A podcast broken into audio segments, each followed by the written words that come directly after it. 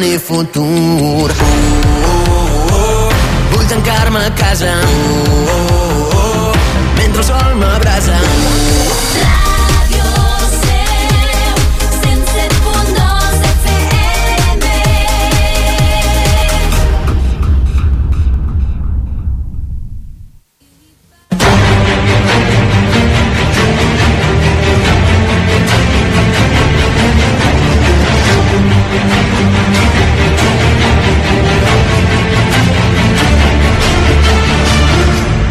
les portes de Troia, amb Alberto Reche, Sergio Rodríguez i Albert Abril.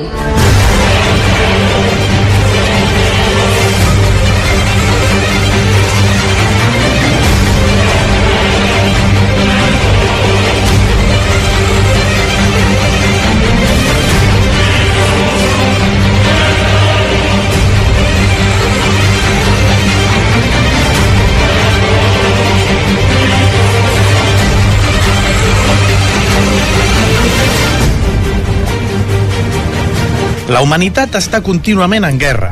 De fet, els míssils i els tancs han tornat a les portes d'Europa recentment. L'exèrcit rus ha bombardejat ciutats i infraestructura civil ucraïnesa. S'han trobat sales de tortura i desenes de cadàvers amb mostres evidents de sadisme. Tropes ucraïneses s'han gravat a si mateixes executant presoners russos desarmats. La barbària i les atrocitats són inherents als conflictes armats. Per molts, la guerra és un crim. No obstant això, al llarg de la història han, exi- han existit molts intents de regular els conflictes perquè fossin més humans. Des del concili de la Terra II al segle XII, amb la prohibició de les ballestes i les treves de Déu, fins als convenis de l'Haia i de Ginebra, que se segueixen ampliant encara als nostres dies. Existeix una forma legal de fer la guerra? Es pot parlar de guerra justa? O més aviat, crims de guerra és una expressió redundant? Avui, a les portes de Troia, mirarem de posar llum a aquestes reflexions sobre la justícia.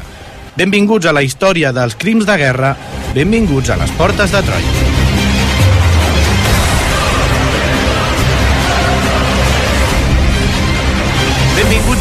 Benvingudes una setmana més a les Portes de Troia, al programa de ràdio d'història de la xarxa de comunicació local, emetent des dels estudis de Ràdio Castellar eh, per totes aquelles ràdios de la xarxa que així ho desitgin i també a través dels nostres mitjans digitals com el podcast, a través d'iVox i de Spotify. Avui per parlar de la història dels crims de guerra, seguim parlant d'un tema interessantíssim i ho farem amb el nostre historiador de capçalera, Albert Abril, benvingut. Hola, com anem? I avui també ens acompanya, ens torna a acompanyar en Martí Abril, que a part de ser un gran aficionat com nosaltres a la història, doncs eh, és graduat en dret per la Universitat de Barcelona. Martí, benvingut. Bon dia. Ho vam deixar parlant de moltíssims temes interessants. Encetem aquest segon programa dedicat als crims de guerra parlant de les bombes atòmiques i et volia preguntar com és que, que no s'han jutjat mai els fets de, de, cometre crims sobre, la població civil. Bé, la resposta sobre les bombes atòmiques és molt senzilla i és per, perquè van guanyar la guerra, al final.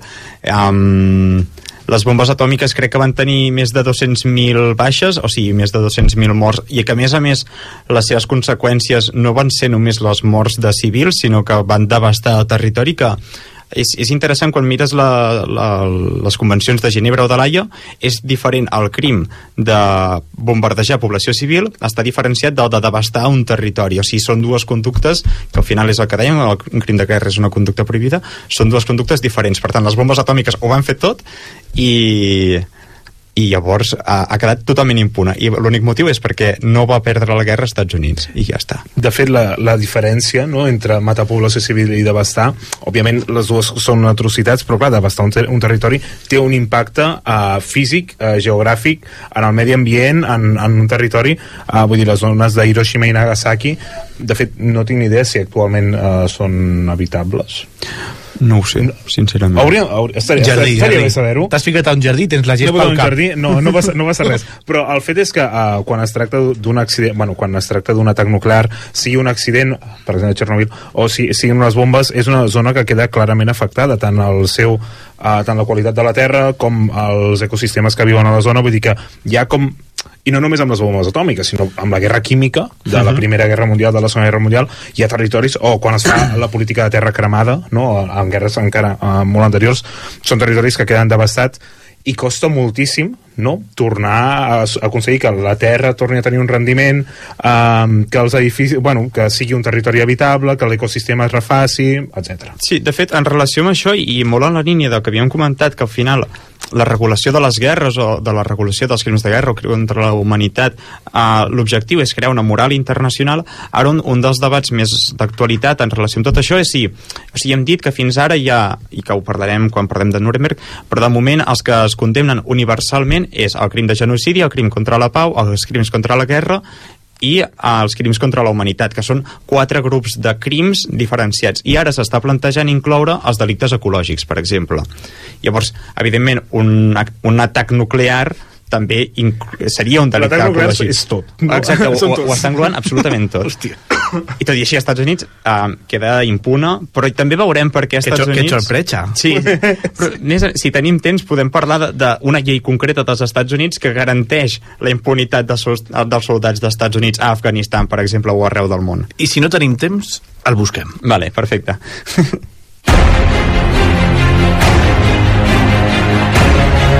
Segueix-nos a facebook.com barra Portes de Troia o a Twitter arroba Portes de Troia. Descarrega't el podcast des d'iBooks o iTunes.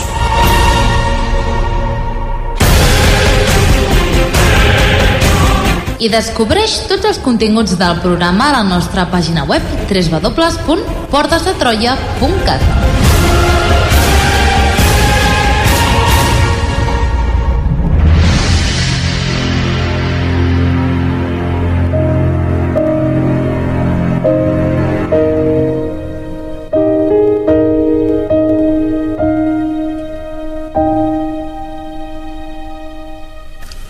Bé, comencem el programa després de la pregunta inicial i després d'escoltar aquesta cançó fantàstica.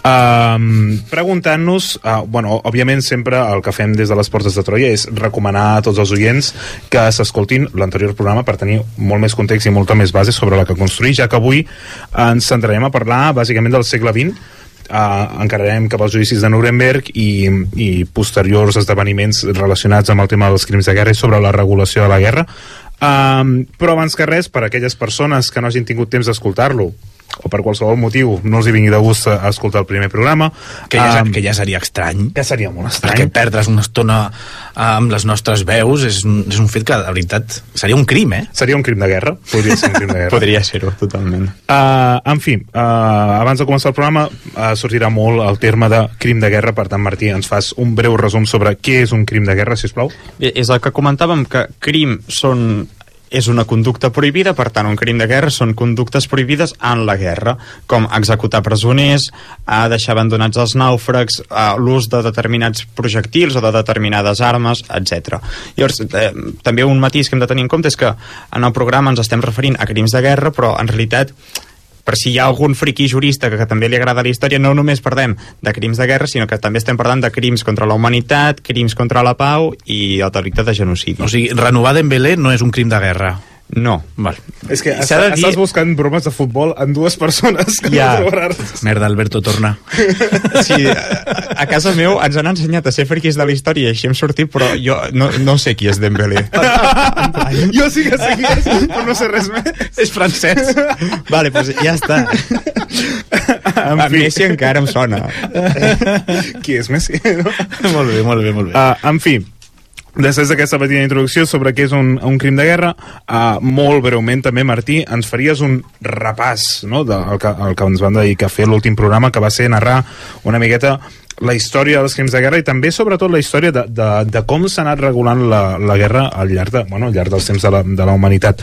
Ens fas un, un resum, uns titulars. Um, sí, hem dit que barrejàvem allò, o sigui, afirmàvem que crim de guerra és una expressió redundant perquè, evidentment, en totes les guerres hi ha crims, però comentàvem que a partir de, del segle XII, amb el concili de Laterà, um, i això tu ho vas explicar molt bé a l'últim programa, es, es reafirma la importància de les assemblees de pau i treva de dir, vale, doncs aquests dies no ens podem matar um, perquè són diumenges, per exemple, o que a 30 passes de les esglésies no hi pot haver conflicte. Això ho vam aprendre tots al Jorobado de Notre Dame.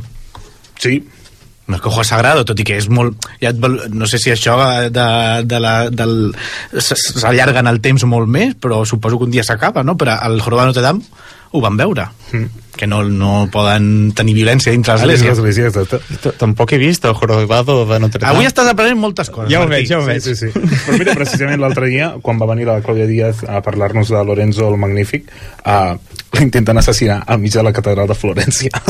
Llavors, això també dels espais, no? Bueno, Sí. Estem parlant del segle XV, que és un moment en què els estats tenen molt més poder, Clar, no? que- sí.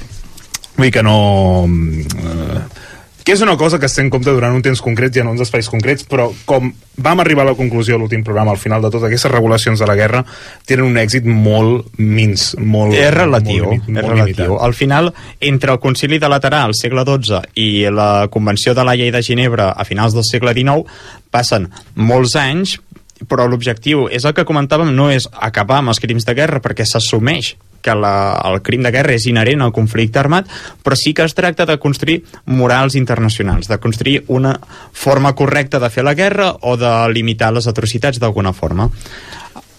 Ah, um, aleshores, això, de, trobem una evolució, i, i és el que també havíem comentat amb l'Albert, que al segle XII es veu la necessitat arran de l'ús de les ballestes, per exemple, perquè trenquen totalment el joc de la guerra d'aquell moment, i al, al segle XIX tornaríem a trobar com uns fets que tornen a desequilibrar les forces i a fer que la guerra canvi totalment de magnitud, com serien els fusells de repetició, les armes químiques, eh, una artilleria brutal, eh, bombardejos aeris, submarins que acaben amb, amb flotes senceres sense capacitat de defensa, etc. És a dir, hi ha un canvi de la normativa o de les regles del joc de, de la guerra i, per tant, troben la necessitat de començar-ho a limitar una miqueta.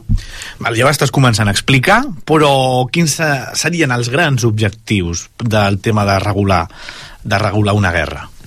Um, al final, regular la guerra o com regular qualsevol conducta persegueix els dos objectius que havíem comentat al primer, al primer programa. Construir en negatiu una moral, és a dir, prohibint determinades conductes per dir què és allò que sí que podem fer, ma- marcar un marc, i llavors, d'altra banda, um, jutjar o sancionar a totes aquelles persones o estats o exèrcits o el subjecte que sigui, perquè també és un tema que ha anat evolucionant al llarg de la història, um, que ho infringeixin, que infringeixin aquesta moral. Llavors, per exemple, um, i tornant un altre cop a la història, um, el Tractat de Versalles que posaria fi a la Primera Guerra Mundial, l'article 227 d'aquest, perquè són... eh, Quan l'estudiem al col·le, és que és una cosa que em fa gràcia. La pau de Versalles, i ja està. I és la pau de Versalles. Vigila, perquè estàs preparant, estàs preparant dues persones que expliquem el Tractat de Versalles al col·le. Ja, i, i que jo sé que vosaltres ho expliqueu molt bé, segur.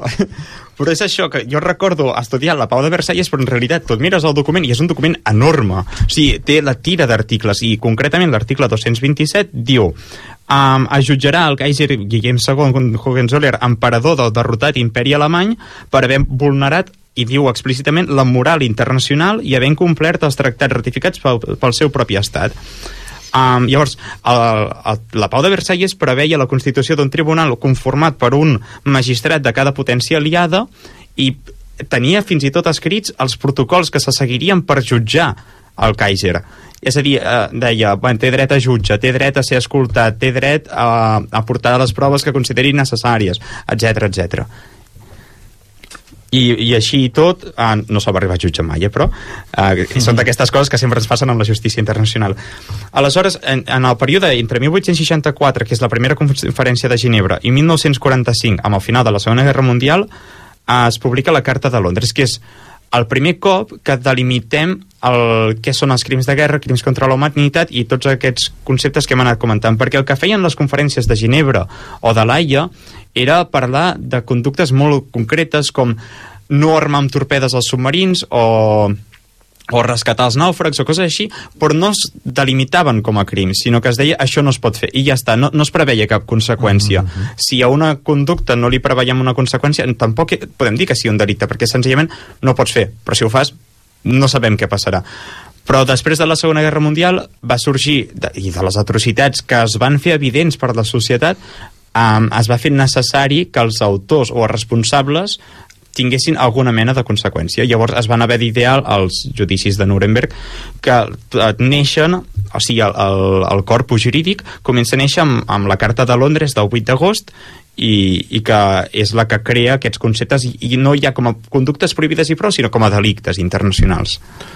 Molt bé, ja ho has anat avançant, no? Ens trobem ara a mitjans del segle XX, després d'haver viscut les dues guerres mundials, i estem parlant de crims de guerra. Um, de fet, i la, la pregunta és, és obligadíssima.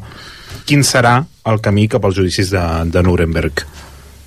Jo, als judicis de Nuremberg hi arribem no, no es podrien desentendre sense... És el que l'últim programa on Sergio em preguntava si realment el, la, la conferència de Ginebra o, o de l'Aia van servir d'alguna cosa i la resposta senzilla és que no, però veiem amb el final de la Segona Guerra Mundial que, que en realitat sí, que s'ha anat construint una moral que algunes conductes, per molt que entrin dins la guerra, no es poden tolerar. Llavors, al 1945 ja, ja existia tota una sèrie de tractats internacionals, protocols i convencions i, i un corpus jurídic internacional per regular, regular i protegir els presoners de guerra, els nàufrags, la població civil, però um, tot i així es va vulnerar. Per què? Perquè no hi havia unes conseqüències previstes, més enllà de sancions econòmiques, potser per un estat que ho incomplís. Llavors, això, amb la Carta de Londres, que firmarien les potències aliades i, les, i la Unió Soviètica, van dir, val, anem a el que dèiem al principi de, de l'últim programa, a individualitzar de qui és culpa la Segona Guerra Mundial, o no la Segona Guerra Mundial en si, sinó de qui és culpa l'extermini del poble jueu o dels les, els milers i milions de persones de guerra que s'han matat en els camps de concentració. Llavors, el, el concepte de crim de guerra sí que existia gràcies al, al que dèiem de les conferències de Ginebra i de l'Haia, però, per exemple, els crims contra la humanitat no, no s'havien regulat mai. Es, es va parlar per primera vegada de crims contra la humanitat arran de l'ocupació belga del Congo però s'havia comentat i, i, hi havia estudis que deia que les atrocitats que el regne belga estava fent al Congo era un crim contra la humanitat perquè va haver-hi milions i milions de, de mutilats, potser un tant per cent bastant exagerat de la població cong congolesa va ser mutilada, però no es va regular com a crim. I llavors, amb la Carta de Londres es, es comença a parlar que les tortures, l'extermini, les violacions sistemàtiques, l'experimentació mèdica sobre població civil, etc, això eren crims contra la humanitat que havien de tenir una conseqüència. Al fil de que, del que comentaves, en Von Ribbentrop, que va ser diplomàtic i ministre d'Exteriors del Tercer mm. Reich, va dir ja ho veureu, d'aquí uns anys un... d'aquí uns anys els advocats de tot el món condemnaran aquest judici. No es pot fer un judici sense llei. Estem parlant d'un dels ajusticiats en el judici de Nuremberg. És, eh, va la línia del que estàs comentant?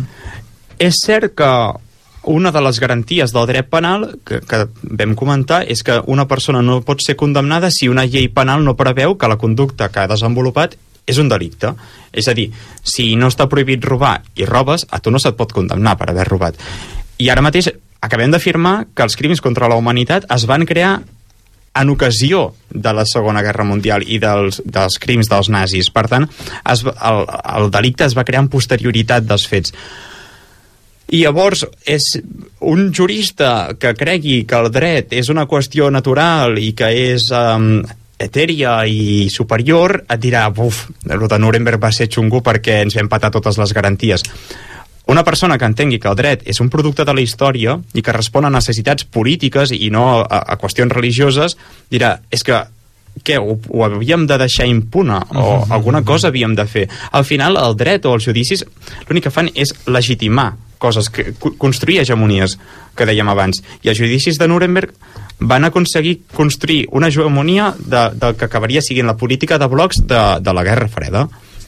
De, de fet, és, és molt interessant no, això que comentes, ja que uh, precisament a, a, Nuremberg uh, és quan eh, s'estableix l'ordre polític de, de la política de blocs que vindrà a partir del 46, 47, 48 entre el bloc occidental i el, i el, i el bloc oriental. Um, si de ser tan intens ho podem desenvolupar una miqueta més. Però en tot cas um, hem parlat sobre el camí cap a Nuremberg però jo penso que abans d'avançar una miqueta més hauríem de definir una miqueta més no, què van ser els judicis, el de Nuremberg i un que ens queda bastant oblidat que és, són els judicis de, de Tòquio. Totalment, el, els judicis de Nuremberg és un conjunt de judicis, o sigui, no va ser un únic procés, sinó que hi va haver, per exemple, el procés contra els metges, el procés contra els advocats, el procés contra uh, l'exèrcit i llavors uh, el que es coneix com a principal, el procés contra els ministres. N'hi va haver molts més de menors. Uh, I malgrat tots es fessin en el mateix espai i a la mateixa ciutat que va ser Nuremberg, que va acollir els judicis i va acollir el tribunal constitu constituït expressament per fer-ho, um, es coneixen com dins aquest gran bloc, que seria el primer bloc fet contra el, el corpus nazi o contra el col·lectiu, els nazis, però només alguna part dels nazis.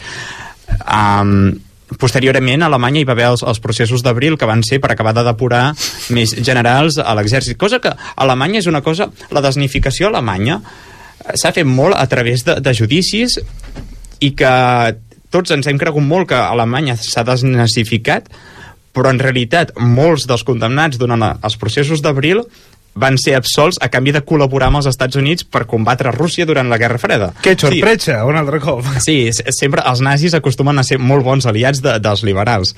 Però, O, bueno, o reintegrats dins l'estructura Exacte. de la República Federal Alemanya. Totalment, i de fet um, la part de la jurisprudència que es va crear permetia condemnar els grans capitostos de, de l'exèrcit alemany o, o de la CSS, que no eren estructura de l'Estat, sinó que eren de, del partit nazi, o fins i tot persones concretes del partit nazi, ara bé, uh, empreses que es van fer d'or gràcies a, a l'esclavitud dels camps de concentració mai han estat condemnats. O l'Església Catòlica, que va col·laborar a, en, en exiliar o, o en refugiar a molts nazis desobeint ordres internacionals, per això molts argentins tenen cognoms alemanys que no sabem ben bé de què treballaven els seus avis, um, tampoc estaran mai condemnats.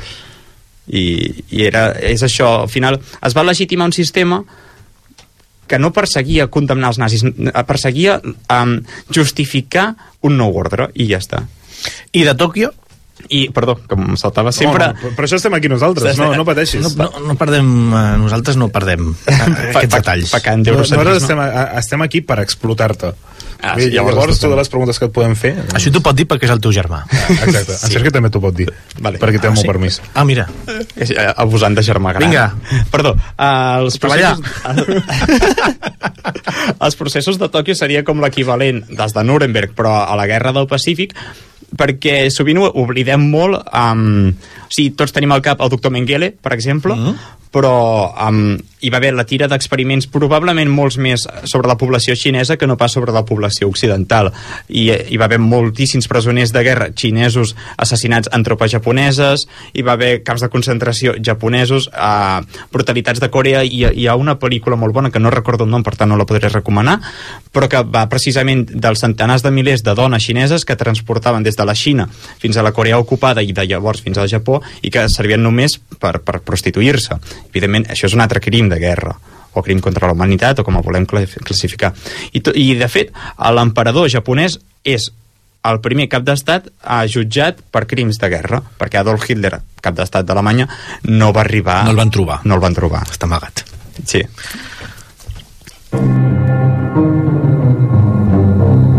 A les portes de Troia.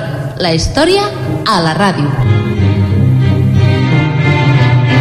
Descobreix tots els continguts del programa a www.portesdetroia.cat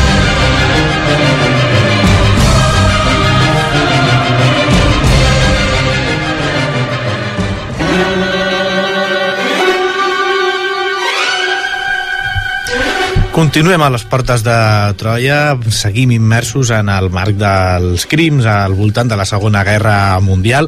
Sabem que d'aquests judicis de Nuremberg no, només s'acaba condemnant a Alemanya, ni als Estats Units d'Amèrica, ni a la Unió Soviètica... Mm, Val, però des del punt de vista del dret, com s'aconsegueix condemnar uns i no d'altres, quan eh, tots en més o menys mesura van cometre atrocitats? Clar, al final, el dret o la jurisprudència o la legalitat que es construeix arran de Nuremberg és és el que dèiem, és, és un corpus creat específicament per condemnar els nazis. I no, i és molt important distingir-ho, no per condemnar el nazisme, que no es va fer, sinó per condemnar només a caps de turc. I, de fet, el, el fiscal dels Estats Units, durant els judicis de Nuremberg, va dir literalment no els estem condemnant per la seva ideologia, els estem condemnant pels seus actes que aquesta frase la, la sent un antifeixista o, o, la, o, o la sent o, o potser és el que explica la situació actual de l'extrema dreta, no? Ma- Mai hem entès el nazisme com... un- No és una ideologia criminal a ulls de, de la justícia internacional. El, el crim no és el feixisme, el crim és Una persona, no? passar-te de feixista i, i arribar a, a, a posar-ho en pràctica. I aquí està la gran diferència. Um, llavors, és molt important situar el, els judicis de Nuremberg en la restauració de, l'i- de l'imperialisme i del colonialisme de després de la Segona Guerra Mundial. Cal tenir en compte que després tindríem la descolonització d'Àfrica, tindríem la independència del Raj britànic, tindríem la guerra d'Argèlia contra França, és a dir, hi, hi haurà molts conflictes internacionals de descolonització de- d'Àfrica i, i de- i d'Àsia sobretot, i, i clar, no, no podíem o sigui, els aliats no podien permetre que es digués els treballs forçats en abstracte són un crim contra la humanitat, sinó que els treballs forçats són un crim en, en, contra la humanitat només si alteren l'ordre mundial establert. És a dir, només els crims de, contra la humanitat només seran crims si um, es fan en connivència amb un crim d'agressió. És a dir, si es fan en connivència de jo vull ampliar les meves fronteres, jo et vull robar una colònia, jo vull uh, ampliar el meu imperi. Però si ho faig dins les meves fronteres, no és, no és un crim internacional, és, bueno, política, o és economia, o el que vulguem. Llavors, clar, això també és molt interessant per tot el que passa amb les colònies, no? Perquè Exacte. com que són colònies meves, doncs no, és, no estic alterant l'ordre internacional, no?, en certa manera. Exacte. Um, a la pregunta inicial, quan t'hem preguntat sobre les bombes atòmiques, ja ens has avançat, no?, um, que als Estats Units mai se l'arriba a condemnar per això. Uh, um, ara també ens estàs explicant que que en els judicis de Nuremberg només es condemna a Alemanya, no a la URSS i no als Estats Units, tot i que si hem estudiat una miqueta el tema i coneixem una miqueta, sabem que es van practicar um, afusellaments massius, uh, violacions sistemàtiques com a eina uh, purament de guerra, però en tots els bàndols a la, a la Segona Guerra Mundial. Um, però això són, a, a grosso modo, no? per dir d'una manera. Ens podries posar algun exemple més que expliqui no? aquesta diferència a l'hora de jutjar els, els, els nazis alemanys o altres països occidentals durant els judicis de Nuremberg? Jo, jo crec que un molt bon exemple és el pacte que, es- que tots coneixem com a Molotov-Ribbentrop, um, Molotov no va ser condemnat, Ribbentrop va ser condemnat. Um, I, la, de fet, durant els judicis de Nuremberg... Li van dedicar un programa Sí. al pacte Molotov-Ribbentrop. I que era, era, un, era un, un pacte fa secret. Sí, era un pacte... ja se- 3 o 4 anys, poder, o més. No jo recordo que quan vaig començar a escoltar les portes de Troia és dels que vaig buscar per escoltar. Ah, mira, tenim un friqui. Sí, bastant. I, I és això, era un pacte que era secret, era un pacte de no agressió i de repartiment, per tant, és evidentment que era un pacte contra la pau, perquè era el repartiment de Polònia, que se l'han repartit unes quantes vegades també, Pobre Polònia, no? i, i això, i només es va condemnar Ribbentrop, i a nivell jurídic el que es va fer és tothom, eh, perquè als Estats Units havia, o sigui, la, la CIA, que crec que aleshores encara no era la CIA, ja tenia coneixement d'aquest pacte, però sabien que si els Estats Units eh, publicaven l'existència d'això, la Unió Soviètica publicaria l'existència d'altres coses que incriminarien els Estats Units. Per tant, hi va haver un moment en el qual no, moltes proves no van sortir a la llum durant els processos i que es van obviar fins i tot perquè si no posaven en contradicció a les potències guanyadores. Un, molt bon, un altre molt bon exemple que no es va posar Sí, en l'almirall de la flota alemanya li, li van retreure que un, es va interceptar un telegrama seu que deia bombardegeu totes les embarcacions de salvament perquè la nos, el nostre objectiu és aniquilar el màxim d'enemics possible i només salveu aquells que puguin ser útils per a l'interrogatori en el submarí. I ell en cap moment va negar l'ordre i va dir sí, sí, l'ordre és aquesta i el seu advocat va sortir amb un altre telegrama dels Estats Units eh, sobre la tropa de, a, la, a la flota del Pacífic dient absolutament el mateix en relació amb la, amb, la, amb la flota japonesa. És a dir, bombardegeu totes les embarcacions de salvament dels japonesos perquè volem exterminar, o sigui, volem aniquilar, el- volem provocar el màxim nombre de baixes per forçar si la rendició o el que sigui. I una cosa molt interessant és que com que els telegrames són molt curts i són molt escuets, eh, la redacció era molt similar. Llavors, um, l'almirall alemany mai va negar aquests fets. Els va acceptar i va dir és una ordre de guerra com les vostres. Um, un altre exemple serien les bombes atòmiques. Mai es van arribar a incriminar directament perquè no van perdre la guerra. Llavors ma, mai ningú mai, mai se'ls va arribar a processar. Que, aquesta és la diferència. Uh, lo, lo que fa possible Nuremberg és que tens un exèrcit que agafa algunes persones nazis i les assenta en, en un tribunal. O sigui que per jutjar els Estats Units pels crims a les bombes atòmiques hauríem de guanyar una guerra contra els Estats eh, Units. l'imperi americà hauria de caure. exacte Hòstia, això seria hi- història ficció? És, fa- mm, és, un, és un llibre, això, eh? Mm, Una saga de novel·les... T'has emocionat de cop i volta, Albert, què passa? bueno, ja, ja, ja saps... el Què passa aquí? Ja saps quina dia- relació tinc jo... Aquí són proamericans, eh? Vigila, eh? Pro- el que... Home, i pro- tant, vigila amb el que diem. Americans, d'acord. Ah. Estats Units. Mm, Estats Units, eh? No sé. Uh, uh, Martí, de tot això que estem explicant, uh, de tots aquests exemples, mm, en podem extreure lliçons?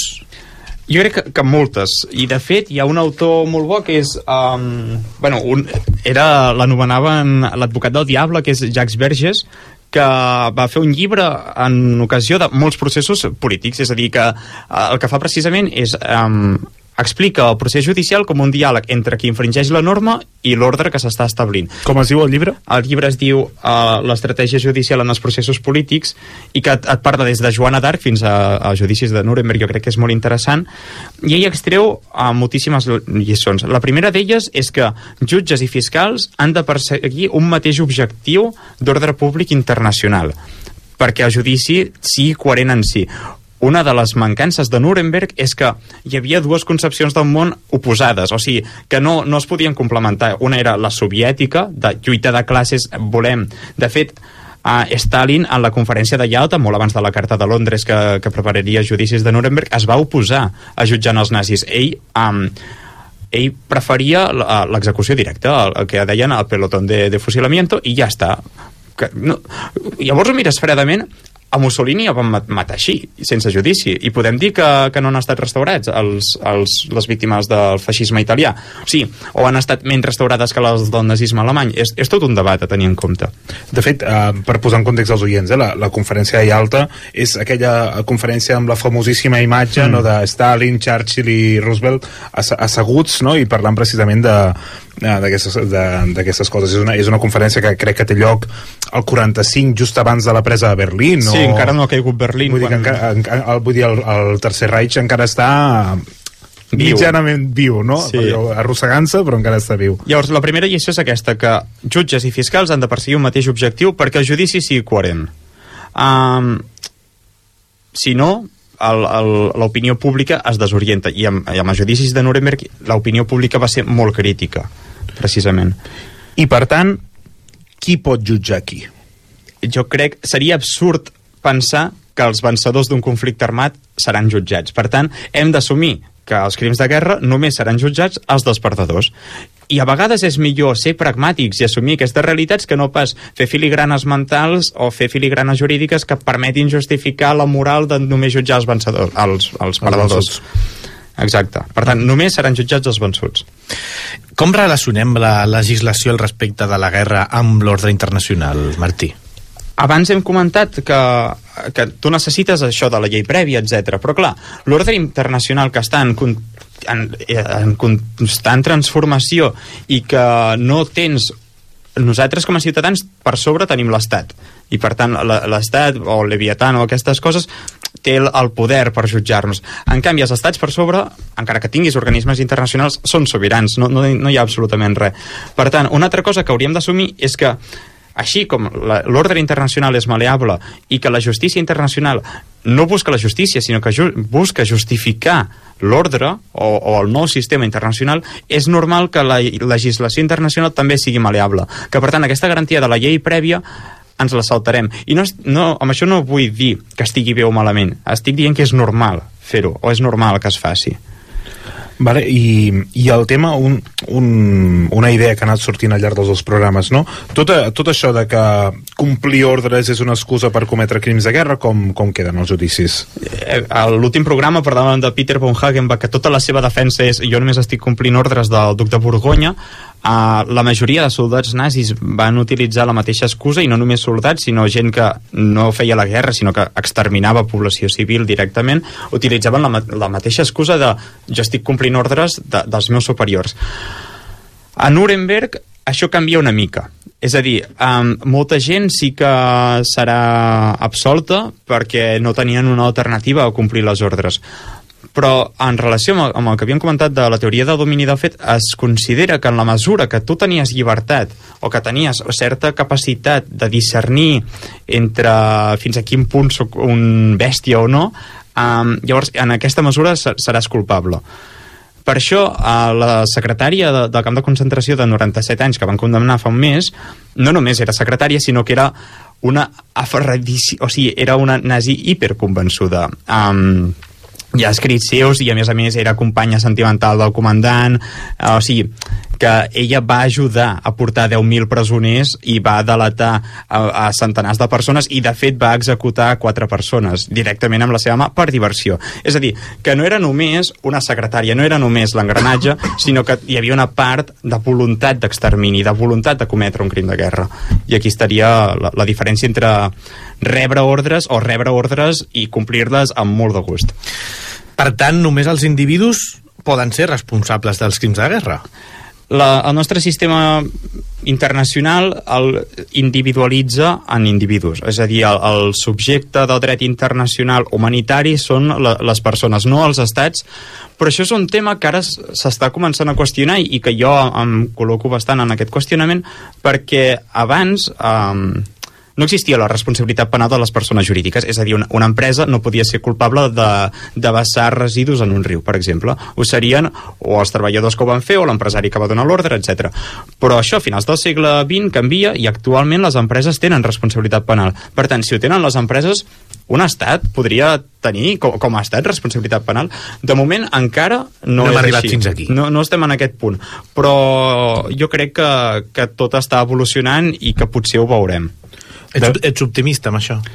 És que no és una qüestió d'optimisme, eh? perquè no, no sé què està bé malament. Jo defenso... Home, eh, No sé el que està de bé vista malament. que un- Mare de Déu. Perdó, perdó. que un no, no, estat... No, però... Sí, És maco, és maco. Humilitat moral. No, és correcte, però fins al punt que un estat se'l pugui jutjar i, i uh, diguéssim... Clar, però eh, a un estat no pots tancar la presó.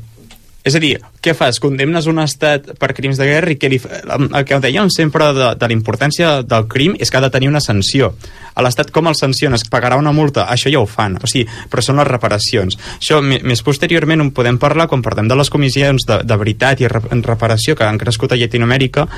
Um, sempre que, que perseguim un crim estem buscant uh, la reparació dels fets, la, el reconeixement de la víctima com a víctima i garanties de no repetició. Llavors, fins a quin punt per aconseguir aquests tres objectius hem de condemnar penalment un estat o hem de buscar altres mecanismes. A Llatinoamèrica, amb, la, amb les comissions de veritat, s'ha buscat un altre mecanisme i una altra alternativa pot ser jutjar l'estat penalment. Però és això, al final so, són formes i formes. A, a mi se m'acudeix una bona sanció. Quina? Obligar-los a parlar francès. Clar, però parlaran francès els Les individus. persones, sí, sí, és, és veritat, és veritat. bueno, i si poses unes reparacions de guerra econòmiques, ja veiem què passa, per exemple, en Versalles, no? Que al final Exacte. qui acaba pagant és la, pobla, la població civil. Exacte. Per tant, no estàs castigant l'ente estat com a tal, sinó que estàs castigant els individus que formen part d'aquesta estructura. Que tornin les fuetades Um, totalment d'acord. Ja. Contra l'estat. contra els responsables de l'estat. Con els responsables de l'estat. uh, per il·lustrar tot això, uh, podríem posar l'exemple i fixar-nos en els tribunals de les exrepúbliques uh, jugoslaves, no, Martí? Um, exacte. Um, bé, hem dit que de, des de Peter von Hagenbach, Nuremberg i, i també amb ex-Jugoslàvia es, es van crear tribunals ad hoc, és a dir, es, es constituïen tribunals amb una durada determinada ju, per jutjar uns fets determinats i a unes persones determinades. De fet, uh, la guerra de Iugoslàvia és, és molt interessant perquè com que és una guerra d'un estat en descomposició, costava molt definir els marges del conflicte. La Segona Guerra Mundial va ser fàcil perquè es va separar front del Pacífic del front occidental o del front europeu i, i teníem els processos de Nuremberg i els de Tòquio. Amb Iugoslàvia, clar, què fem amb el Kosovo? O què, què, què fem amb, amb conflictes que es van allargar encara més enllà? De fet, a Sèrbia ara, es va resoldre el conflicte fa, fa res, hi ha hagut un altre cop molts enfrontaments civils i, i re- res descarta que torni a ser un polvorí és a dir, fins a quin punt eh, el Tribunal de Iugoslàvia va resoldre el conflicte de Sèrbia ja ho veurem De fet, aprofito per fer una falca publicitària. Uh, fa, ara ja fa potser un any o alguna cosa així, va venir en Dani Hernández mm. a parlar-nos, a posar-se en el fregau dels conflictes uh, balcànics i ens va explicar, vull dir, perquè ara tu has, ho has resumit amb unes pinzellades molt breus, però si volem entendre una mica més en profunditat tot el, el Bòsnia, Sèrbia, Croàcia uh, Kosovo, etc, recomanem moltíssim escoltar els programes d'en Dani perquè il·lustren això no? i com encara és un tema que està viu i està a una espurna bueno, com recentment uh, bueno, ja, ja ho has mencionat, no? que recentment potser va saltar una espurneta i va tornar-hi a haver-hi conf conflictes civils i estem parlant de, de fa un any, dos Sí. anys, alguna, alguna cosa així Sí, per sí, l'estil sí. Um, no, i això, dèiem que, que es va crear un tribunal expressament per jutjar-los i eh, per, quan es crea un tribunal així es diu, vale, doncs tu pots jutjar aquests crims. En plan, un tribunal per crims de guerra no jutjarà un robatori, sinó que van dir desplaçaments, violacions, etc sobre la població civil en aquest període determinat. I un cop es sentencia a les persones que s'han determinat que es jutjaran, el tribunal es dissol, com es va, passar, eh, com es va fer a Nuremberg o com es va fer a Tòquio, o també a Ruanda. Un problema que té que jo crec que, que és de les crítiques quan tu constitueixes un tribunal expressament amb una cosa tan delimitada és que, clar, hi haurà serbis o hi haurà gent de Ruanda, perquè Ruanda també es va fer amb aquest sistema, que seran jutjats pel Tribunal Internacional, però n'hi haurà d'altres que seran jutjats per tribunals ordinaris. És a dir, si el Tribunal Internacional diu, vale, doncs jo jutjaré a generals de l'exèrcit i fins a aquesta capa de l'exèrcit, um, aquests, aquestes persones processades queden sota la jurisdicció internacional i poden quedar en millor posició que soldats rasos que quedin en presons de Ruanda ordinàries, per exemple. Amb Iugoslàvia no sé si va ser tan exagerat, però l'altre dia llegia un article sobre Ruanda que, clar, en, la, en les presons ordinàries de Ruanda els militars més ordinaris estan en molt pitjors condicions. Molts es van morir a les presons perquè els funcionaris de les presons els, els mataven, evidentment, i perquè no estaven sota protecció internacional. Llavors, també hi ha el deix de classe, una altra vegada, o el deix que trobem a tot arreu, que és els que queden per sobre, encara que siguin jutjats per tribunals internacionals i molta més parafernàlia, estan molt més protegits. I més, sobretot, si la, la moral internacional que hem anat creant, a Nuremberg sí que es van executar, sí que hi havia co- condemnes de mort. Actualment està prohibit. Um, per exemple, amb, amb ex-Iugoslàvia, un dels generals es va suïcidar durant el procés. Es va veure un, un xupitó de cicuta i va dir jo no sóc un criminal de guerra i es va matar allà mateix. I això, al final, e- és un acte de, de, de rebel·lia, perquè um, ell no volia legitimar l'ordre que s'estava donant i per això va preferir morir-se. Què serà l'acord penal internacional? Quin serà el seu origen, eh, Martí, i, tindrà algun, i pregunto si tindrà alguna utilitat? en oposició als, als tribunals ad hoc de Nuremberg, Tòquio, Ruanda, etc., um, com que es van veure tots aquests conflictes que, que generava, es va considerar que era necessari crear un acord, crear un tribunal de caràcter permanent legitimat per jutjar els, els crims de guerra de- d'arreu de, d'arreu del planeta. Uh -huh. Llavors, eh, al final és un organisme internacional independent que té acords de col·laboració amb la ONU i amb la majoria d'estats i que actualment ha, processat a més de 31 persones i n'ha condemnat 5, però que totes elles són africanes. Perquè una cosa molt important de la Cort Penal Internacional és que només pot jutjar a criminals de guerra si es considera que en el seu estat no seran degudament jutjats. Evidentment, un estat europeu, si té un criminal de guerra, està eh, super preparat per jutjar-lo. Per això a Espanya els hem jutjat també, per exemple. Però a Àfrica no. Ja, ah, perquè com que l'acord és europea, està a l'AIA, i encara que tingui participació de tot el món, és una idea de justícia occidental, amb el que dèiem de responsabilitzar la pena, etc etc. considerem que no, un, un país africà no està preparat per jutjar els seus ciutadans i per tant ens els emportem a l'AIA i els jutgem allà.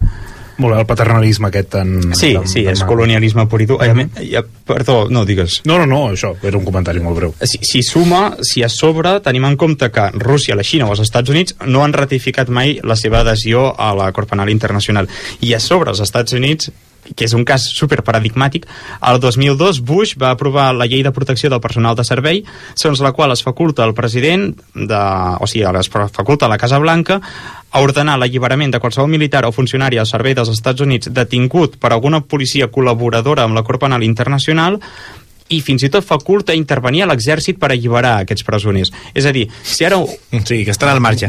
Totalment. I, a més a més, um, el president pot prohibir, no, de fet, no pot prohibir, està prohibit directament col·laborar amb la Cort Penal Internacional. És a dir, un jutjat dels Estats Units no pot col·laborar amb la justícia ah, internacional. No, no pot col·laborar amb el Tribunal de l'Haia. No li pot passar informació reservada, no pot enviar-hi a la policia a detenir no sé què, no pot extradir un criminal de guerra, etc. Suposo que això va ser el 2002, això que expliques del president Bush, Hmm. una mica a, a conseqüència dels atacs de l'11S, suposo que es van haver de cometre tota una sèrie de... Crims de guerra Crims. a Afganistan i... Sí, sí. Intentar buscar l'embolcall jurídic perquè això no tingués eh, repercussions, no sé, eh? m'estic fent una pregunta que m'he tret ara del... Sí, total, arran de, de la invasió americana d'Afganistan i d'Iraq es, es va haver de donar, o sigui, garantir la impunitat dels soldats americans i que llavors um, fa dos anys crec que van sortir vídeos, no eren americans, eren australians, que es van desclassificar imatges de, de l'ocupació d'Afganistan per tropes d'Austràlia i es veia com soldats pixant en cranis d'afganesos o, o es veien execucions dins de les cases però mentre el soldat estava dinant potser, o sigui, per mera diversió i per, i per sadisme. Però tots aquests crims quedaran sempre impunes si es comet la potència guanyadora i en, encara que Estats Units perdi el conflicte, com que és la primera potència mundial amb l'exèrcit més fort, etc com que no ha ratificat els acords, com que no col·laborarà, doncs ja està, el, els soldats americans sempre seran impunes. I un altre fet a, a destacar mm, doncs seria la detenció d'en Pinochet a Londres l'any 1998. Sí, eh, això he de fer com un mini matís un altre cop xapa jurídica, sap greu. Um, es va crear, um, o sigui, arran de, de tota aquesta configuració que hem anat dient d'una justícia universal, es va començar a configurar que qualsevol tribunal de qualsevol país podria jutjar criminals de guerra. És a dir, no només la Cort Penal Internacional ho pot fer, la Cort Penal Internacional intervindrà si considera que l'Estat no està capacitat per fer-ho i llavors enviarà policies d'altres estats o, o se l'emportaran a l'AIA i a jutjaran a l'AIA, però si, per exemple, un criminal de guerra de del Congo apareix a Espanya mm, casualment, Espanya té dret a detenir-lo i a jutjar-lo. Llavors, Pinochet, el 1998, estava malalt d'una hèrnia i es va veure forçat a viatjar a Londres. De fet, eren bastant col·legues amb Thatcher, per tant, tenien... tenien bueno, tenen cartes dient Tenien feeling. Tenien feeling, sí. I, I això, hi van a Londres. Tenien I, cartes dient-se què? Que t'he tallat?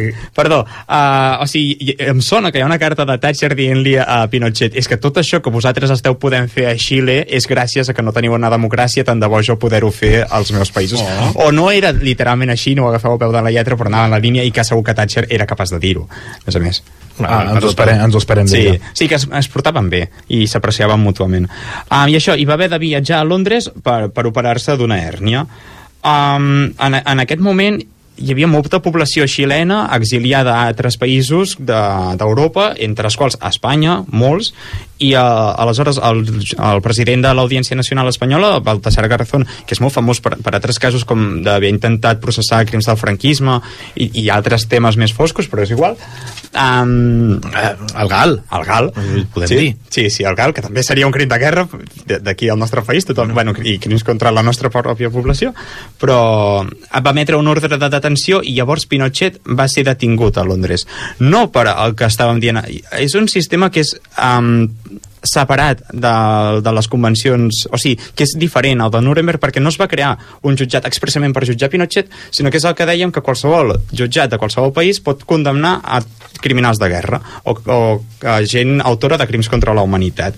Aleshores va ser detingut a Londres, el van retenir a un centre per psiquiàtrics mm, amb policia, amb tot això, i l'anaven a extradir a Espanya però el van acabar portant a Xile per al·legant que estava molt malalt i no sé què. Lo típic que acostuma a Pobre passar. Com sou els advocats, de veritat? Exacte, sí, gent freda. Pobre senyor. Però clar, hi ha una cosa molt important que és, malgrat no va arribar mai a ser condemnat, mai el van portar davant dels tribunals, el van detenir i hi havia imatges de Pinochet detingut i hi havia imatges de Pinochet retornat a Xile potser no condemnat judicialment, però ja no era una persona totalment impune. I aquest retorn va començar a moure moltíssimes víctimes, familiars de víctimes, etc a organitzar-se i a, i a promoure el que acabaria sent la Comissió de Veritat i Restauració de Xile. I, i que és el que comentàvem abans, que potser la justícia no sempre està en els tribunals, a vegades està en la cerca de la veritat o en, o en restauracions polítiques, i una bona restauració de, de la dictadura de Pinochet és que ara mateix una neta d'Allende està al govern de Xile, i, i això també és restauració i també és memòria històrica al final. A les portes de Troia. Descobreix la teva història.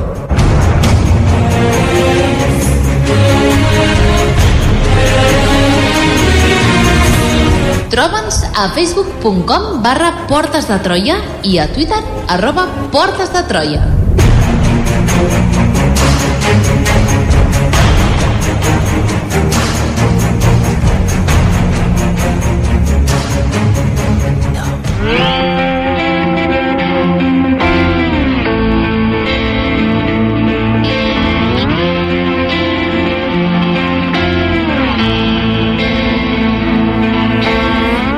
Últims minutets d'aquest segon programa dedicat a parlar dels crims de, de guerra i ho hem deixat parlant de les comissions de veritat i reparació.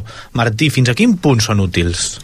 Clar, sempre la, la, per valorar la utilitat d'una cosa hem de tenir en compte què persegueix i les, comissi eh, les comissions de veritat i reparació són molt més honestes que els judicis de Nuremberg per mi perquè neixen ja amb una vocació determinada que és uh, evitar la impunitat dels infractors, garantir que no hi, hi, o sigui, a garantir que les víctimes siguin reconegudes com a tal i a més a més construir mecanismes de no repetició dels fets. Aleshores, fins al moment n'hi ha hagut a El Salvador, a Xile, Argentina, Guatemala, Uruguai, Perú, Bolívia o Paraguai, Colòmbia, que encara està en funcionament, i a Sud-àfrica. És a dir, veiem com a més a més és un fenomen que passa a la perifèria global, que no, no neix d'Occident i aleshores no es tenen un format de tribunal vaig a jutjar en els infractors, sinó que tenen un format de... es creen comissions, moltíssimes comissions, tant d'artistes, d'acadèmics, d'associacions de víctimes, també de persones que han participat dels crims i se'n penedeixen. I l'objectiu, el primer de tots, és um, descobrir la veritat. Um, per exemple, la primera versió argentina que hi havia milers i milers de desapareguts i si tu el que vols és reconciliar un país com a mínim necessites saber on han estat, on han estat enterrats els teus fills, els teus pares, els teus avis Això em sona d'alguna cosa. això ens sona bastant al segon país amb més fosses comunes del món, que és Espanya, i, i de fet jo crec que és una cosa que sempre que s'ha criticat la transició es seguirà criticant, que aquí mai hi ha hagut és que ja no estem demanant penjar en els criminals del franquisme, primer perquè no podem ara ja, sinó com a mínim descobrir què va passar amb molts cossos, què va passar amb, amb, amb els nens desapareguts eh, que, que regalaven a, a molts convents o moltes coses d'aquest estil. És a dir, que la veritat acostuma a ser un prerequisit per, per la reparació. I llavors aquestes comissions el, el que acostumen a fer és, és perseguir la veritat per, uh, i intentar crear un nou marc nacional que permeti la reconciliació i que, que permeti la construcció d'una nova d'una nova hegemonia en la qual els criminals no queden impunes, encara que no se'ls pengi a la forca, la gent es reconegui com a criminals. Pinochet va morir d'un atac de cor, però no va morir com un heroi nacional ja. Per molts va morir com una persona que no havia quedat impune perquè havia estat detingut i als finals dels seus dies van ser bastant més desgraciats que els de Franco, per exemple. Um, Llavors és això, són comissions que no són tribunals i que no segueixen un esquema típic judicial, no és un procés ja, um, sinó que persegueixen primer de tot descobrir què va passar i després indemnitzar les víctimes, construir memorials, um, retirar uh, monuments en els criminals, és a dir, com construir un estat que digui, vale, hem enterrat la nostra història, anem a construir una nova història que ja que tots tinguem clar que les desaparicions van ser injustes, per exemple. Aquí no sé si... si o sigui, parlar d'això a Espanya pot fer mal perquè no sé si tothom ho té tan clar, que el franquisme va ser un, un crim. Molt bé, doncs crec que no ens queda temps per més, hauríem de deixar aquí. Moltíssimes gràcies, eh, Martí Abril, per aquests dos programes magnífics que ens has fet i ens has, eh, diguéssim, portat de la maneta per explicar-nos moltíssimes coses molt interessants d'un punt de vista una miqueta més ampli, que segurament ens fa falta, i esperem que tornis aquí a les portes de Troia a explicar-nos qualsevol altre tema d'aquest o de qualsevol altre que et tingui de gust. I moltes gràcies a vosaltres per convidar-me i a parlar de- d'aquestes D'això que t'agrada. D'això que m'agrada, sí. Albert Abril, moltíssimes gràcies. Moltes gràcies, molt content que el meu germà sigui aquí. l'Adrià Tirado, al control tècnic, moltes gràcies, i qui us parla, Sergio Rodríguez. Us esperem la pròxima setmana amb un nou episodi de Les Portes de Troia.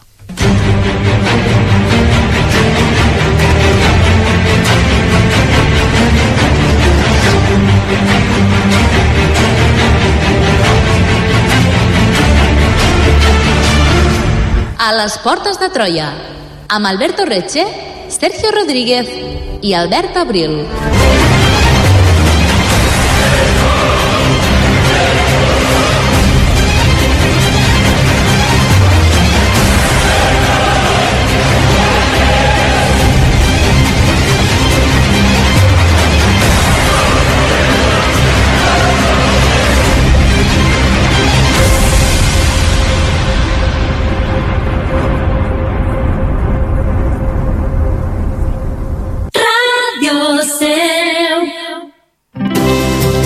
Escolta Ràdio Seu on i quan vulguis. Entra a l'apartat de ràdio a la carta de la nostra pàgina web i tria allò que més t'interessa de la nostra programació. Els informatius, les entrevistes, els programes musicals, culturals i esportius, la programació especial... On i quan vulguis, Ràdio Seu. A la carta des de la nostra pàgina web radioseu.cat.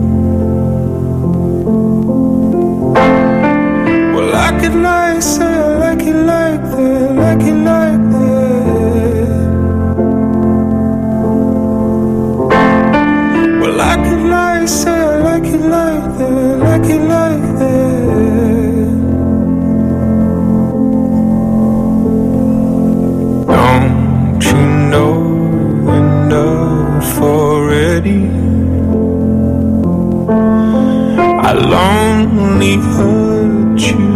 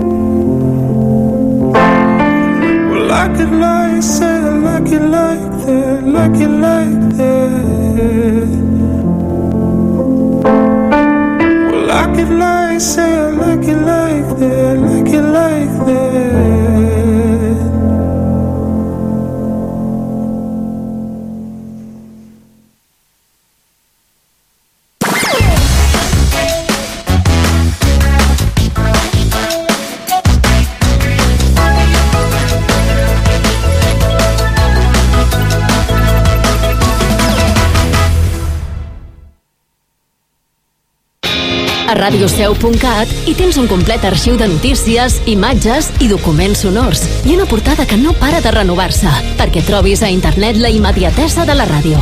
La pàgina web de Ràdio Seu, el referent informatiu local. Entra a radioseu.cat. Hem millorat per a tu.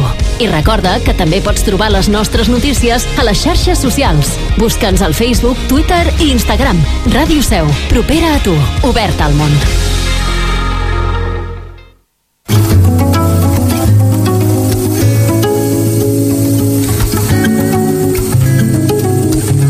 Ràdio Seu FM dona per finalitzada la seva missió en el dia d'avui. Agraïm la teva escolta. A continuació et deixem amb Catalunya Ràdio.